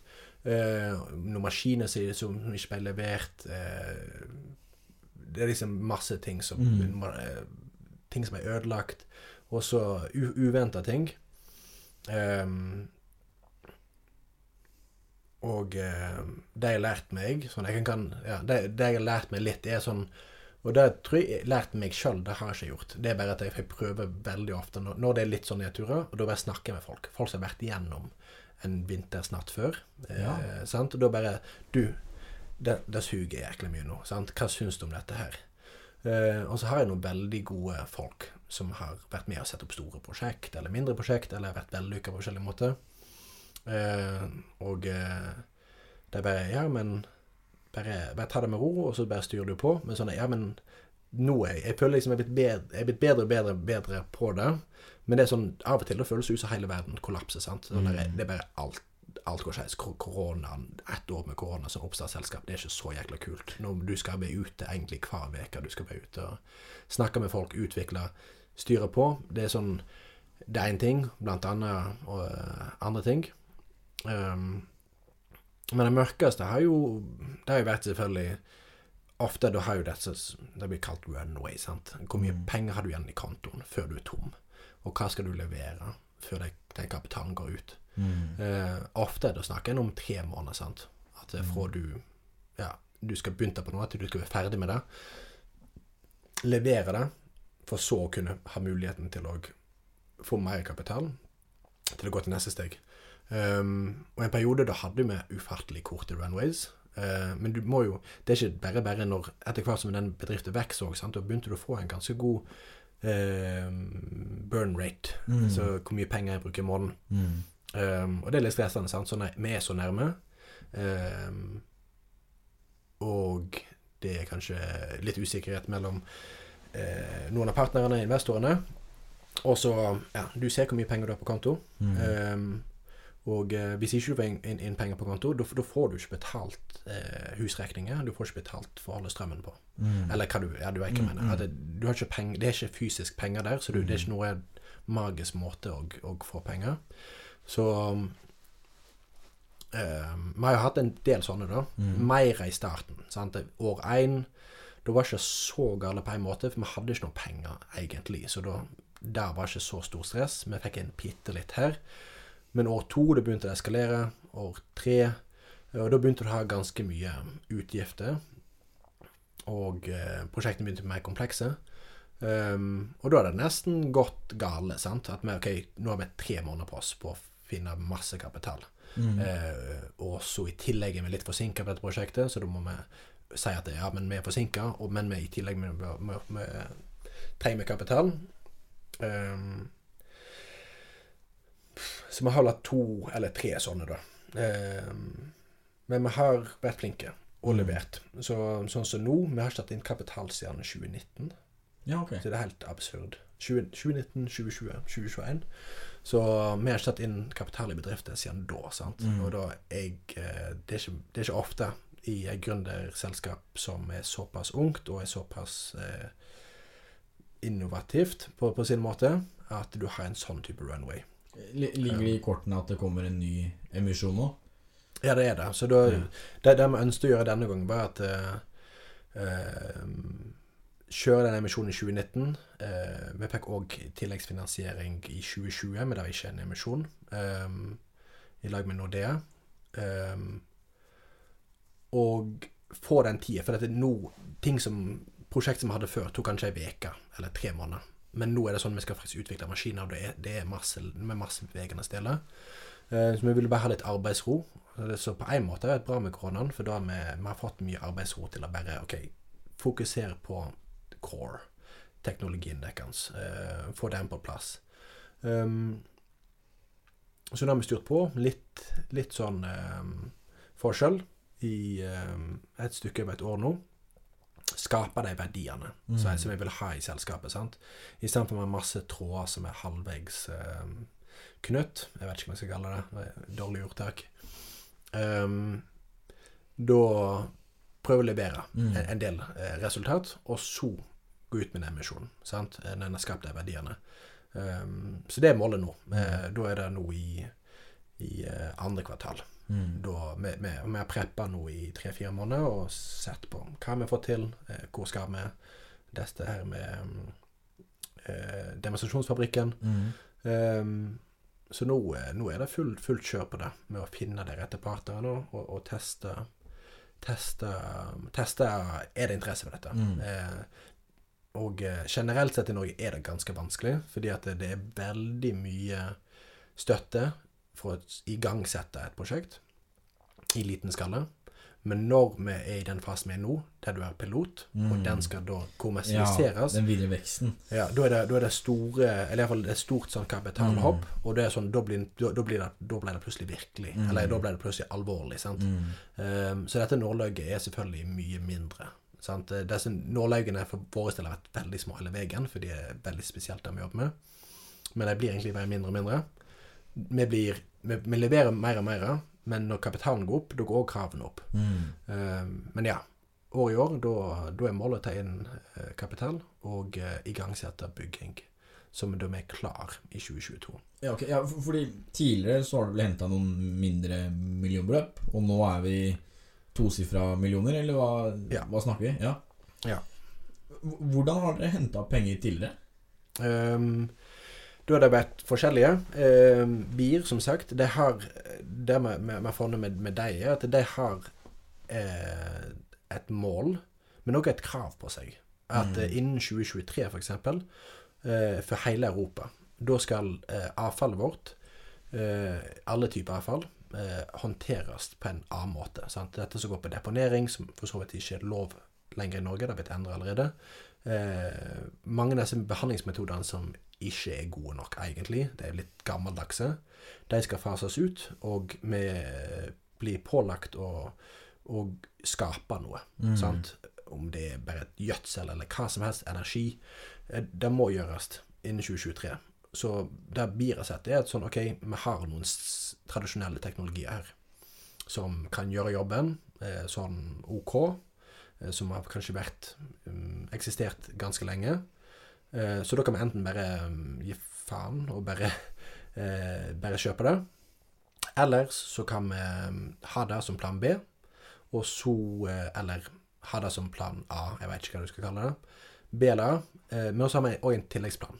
Hva med alle, alle, disse andre potensielle teknologiene som kan være med og innfri disse kravene som er satt av EU, så for så vidt av vår, vår egen del òg, som en del av dette EU Vi er ikke en del av EU, men vi er en del av dette eh, målet. Um, så de har da et, de, de, må, de må løse dette problemet. Så i stedet for å jobbe med det internt, gjør de, da har de egentlig investert i flere selskap, med da én av dem. Ja. Så da kan ok, se om de kan klare å løse dette problemet Mm. for oss. Uh, fordi de må gjøre det uansett. Mm. Så ja, enten utvikle alle teknologiene sjøl.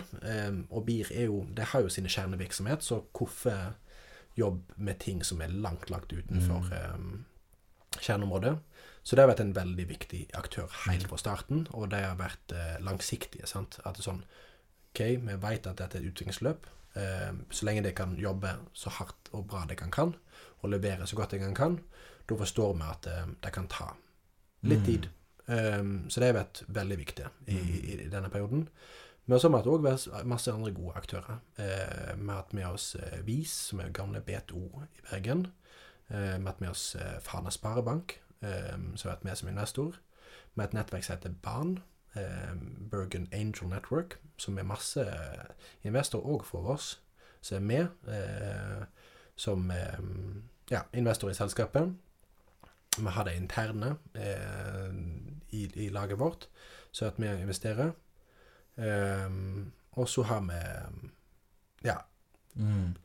litt sånn spredt Mm. rundt eh, med, med andre aktører. Nå har jeg sikkert glemt noen som ikke er bra. um, men um, ja, og, og, og, og framover, da eh, Vi prøver absolutt å lete etter sånn smart money. Mm. At penger er fint, det er kjekt å få inn penger, men uh, uten at uh, Du må bidra med noe mer. det må bidra med noe mer. sant? Mm. Og Det er noe som blir snakket om ofte, men uh, det er faktisk ufattelig viktig. sant? Mm.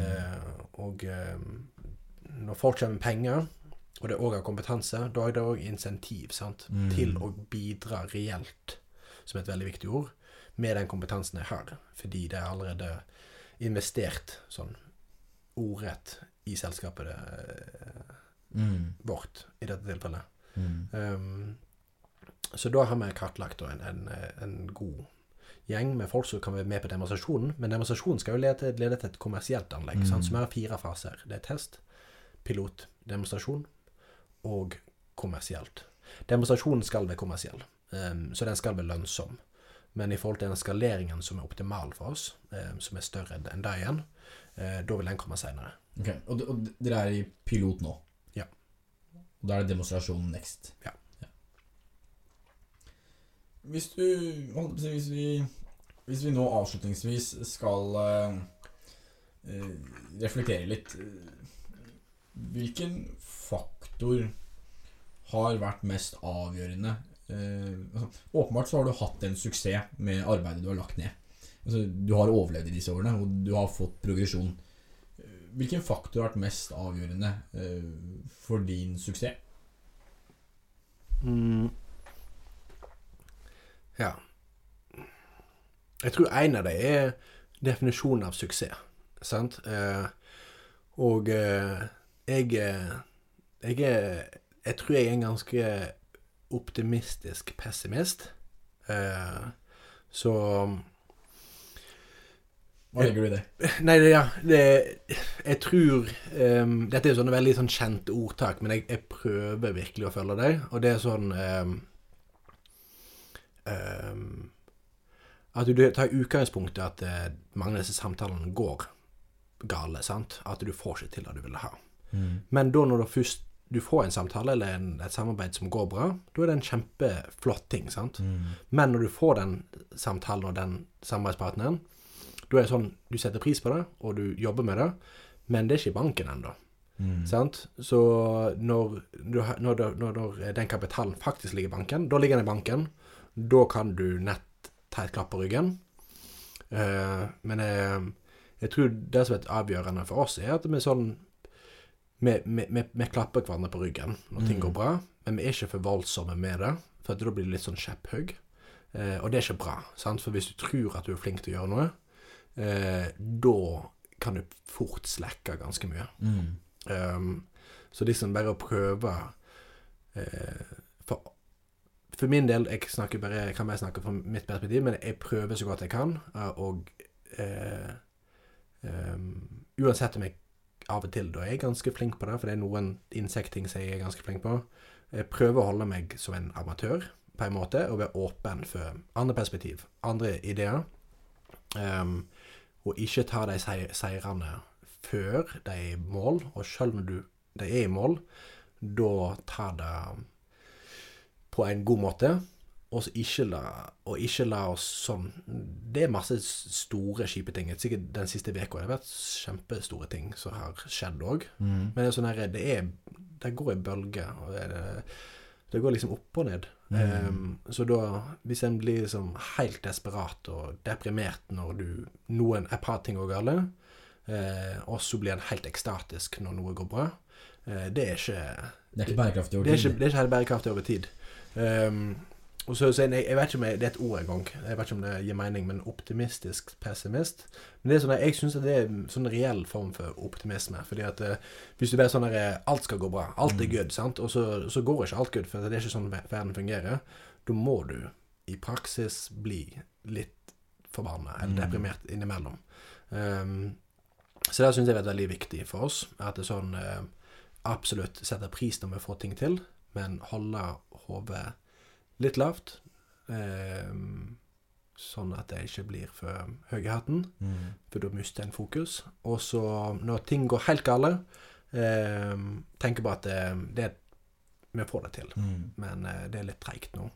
Så det tror jeg for min del personlig det har vært eh, en av de viktigste delene. Og sånn eh, Ja, dette med lidenskap. Sant? Eh, Jeg vet ikke, Det er sikkert et bedre ord for deg, Men eh, det er bare bry seg om det Mm. en gjør. Jeg tror som sagt at det er uten å ha det i arbeid Og det tror jeg det burde i mitt hode gjelde alle. sant? At det er sånn Uansett hva du jobber med. Det er jo helt eh, Men dette er jo min personlige formening, da. Men det å bruke et liv Jeg vet ikke hvor mange år en jobber i dette livet. 50 år? 60 år? Noe sånt. Men noe en hater. Mm. Det er fullstendig, fullstendig mareritt. Eh, og alle jobber uansett hva det er for noe. Eh, Jeg, selv om jeg ikke er så gammel, og har jeg hatt veldig mye jobber.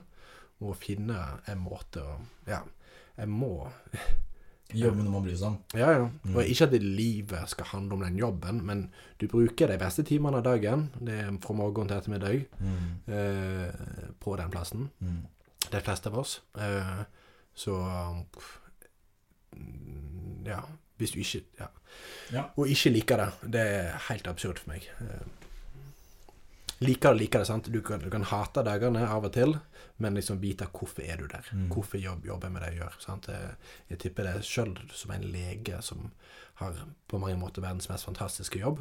Jeg tipper det er mange dager som er jækla kjipe der, Mm. eh, men jeg veit hvorfor de er der. Mm. Eh, veldig mange av dem. Og hvis vi nå Altså, nå har vi snakka lenge. Eh, hvis vi nå avslutningsvis altså, eh, skal avslutte samtalen Vi har snakka mye om dette med oppstart eh, og dette med å ha en passion for arbeidet. Er det noe mer du vil legge til samtalen?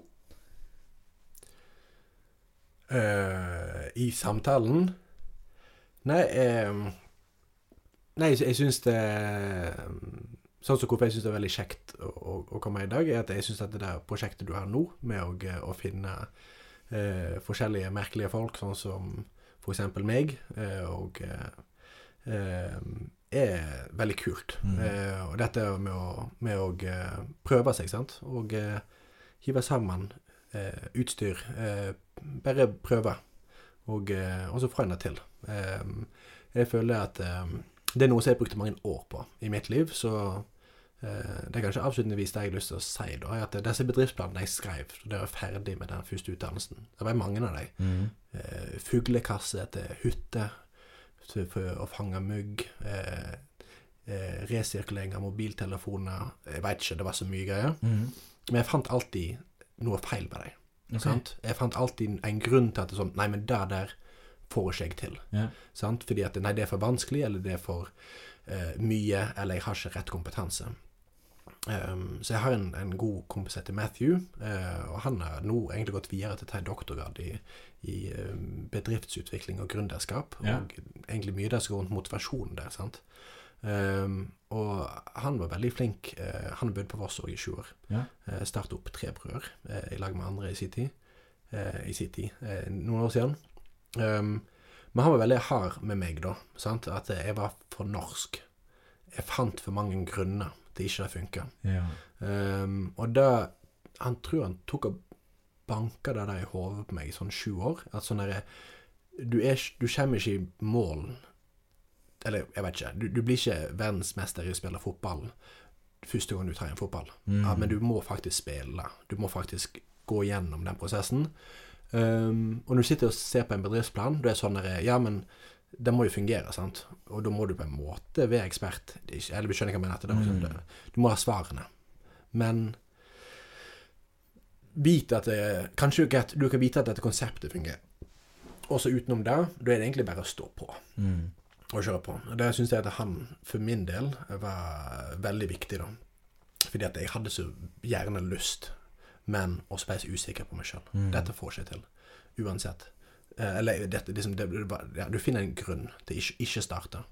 Um, så hvis det er én ting jeg har lyst til å ta med meg, og jeg føler at jeg har lært litt i, i denne fantastiske muligheten er utrolig privilegert at vi får lov å satse på dette, og jeg, jeg tror virkelig at vi får det til Mm. uh, er at eh, vi har turt. Vi har turt å, å prøve og uh, ta det litt steg for steg. Fordi du kan ikke bare hoppe over alle stegene. Um, så det tror jeg kanskje er den, den andre tingen. Sånn, det med lidenskap, som jeg syns er viktig. Og så det at sånn, du må bare hakke det opp i deler. Mm. Uh, selv om en har veldig lyst til å bare, bare bli ferdig med det. Kanskje bare finne en quick fix. Bare bli ferdig med det. Mm, Jeg tror ikke det funker. Eh, I 99,9% tilfellen. Da er det bare gjør litt i dag, gjør litt i morgen, gjør litt neste dagen. Og så etter så og så mange dager, da begynte det å ligne på noe. Mm. Så det jeg tror at um, um. Veldig heldig at det er mye gode folk rundt meg som eh, har støtta oss eh, og støtta meg. Og eh, vi står på. Viso er langt ifra ferdig hvis vi overlever eller ikke overlever. Eh, men vi skal gjøre alt vi kan for å få dette til. Så ja. Med og med passion og stå-på-vilje og steg for steg som stikkord, så ønsker jeg å takke for praten, Alexander. Veldig givende å ha deg her. tusen takk.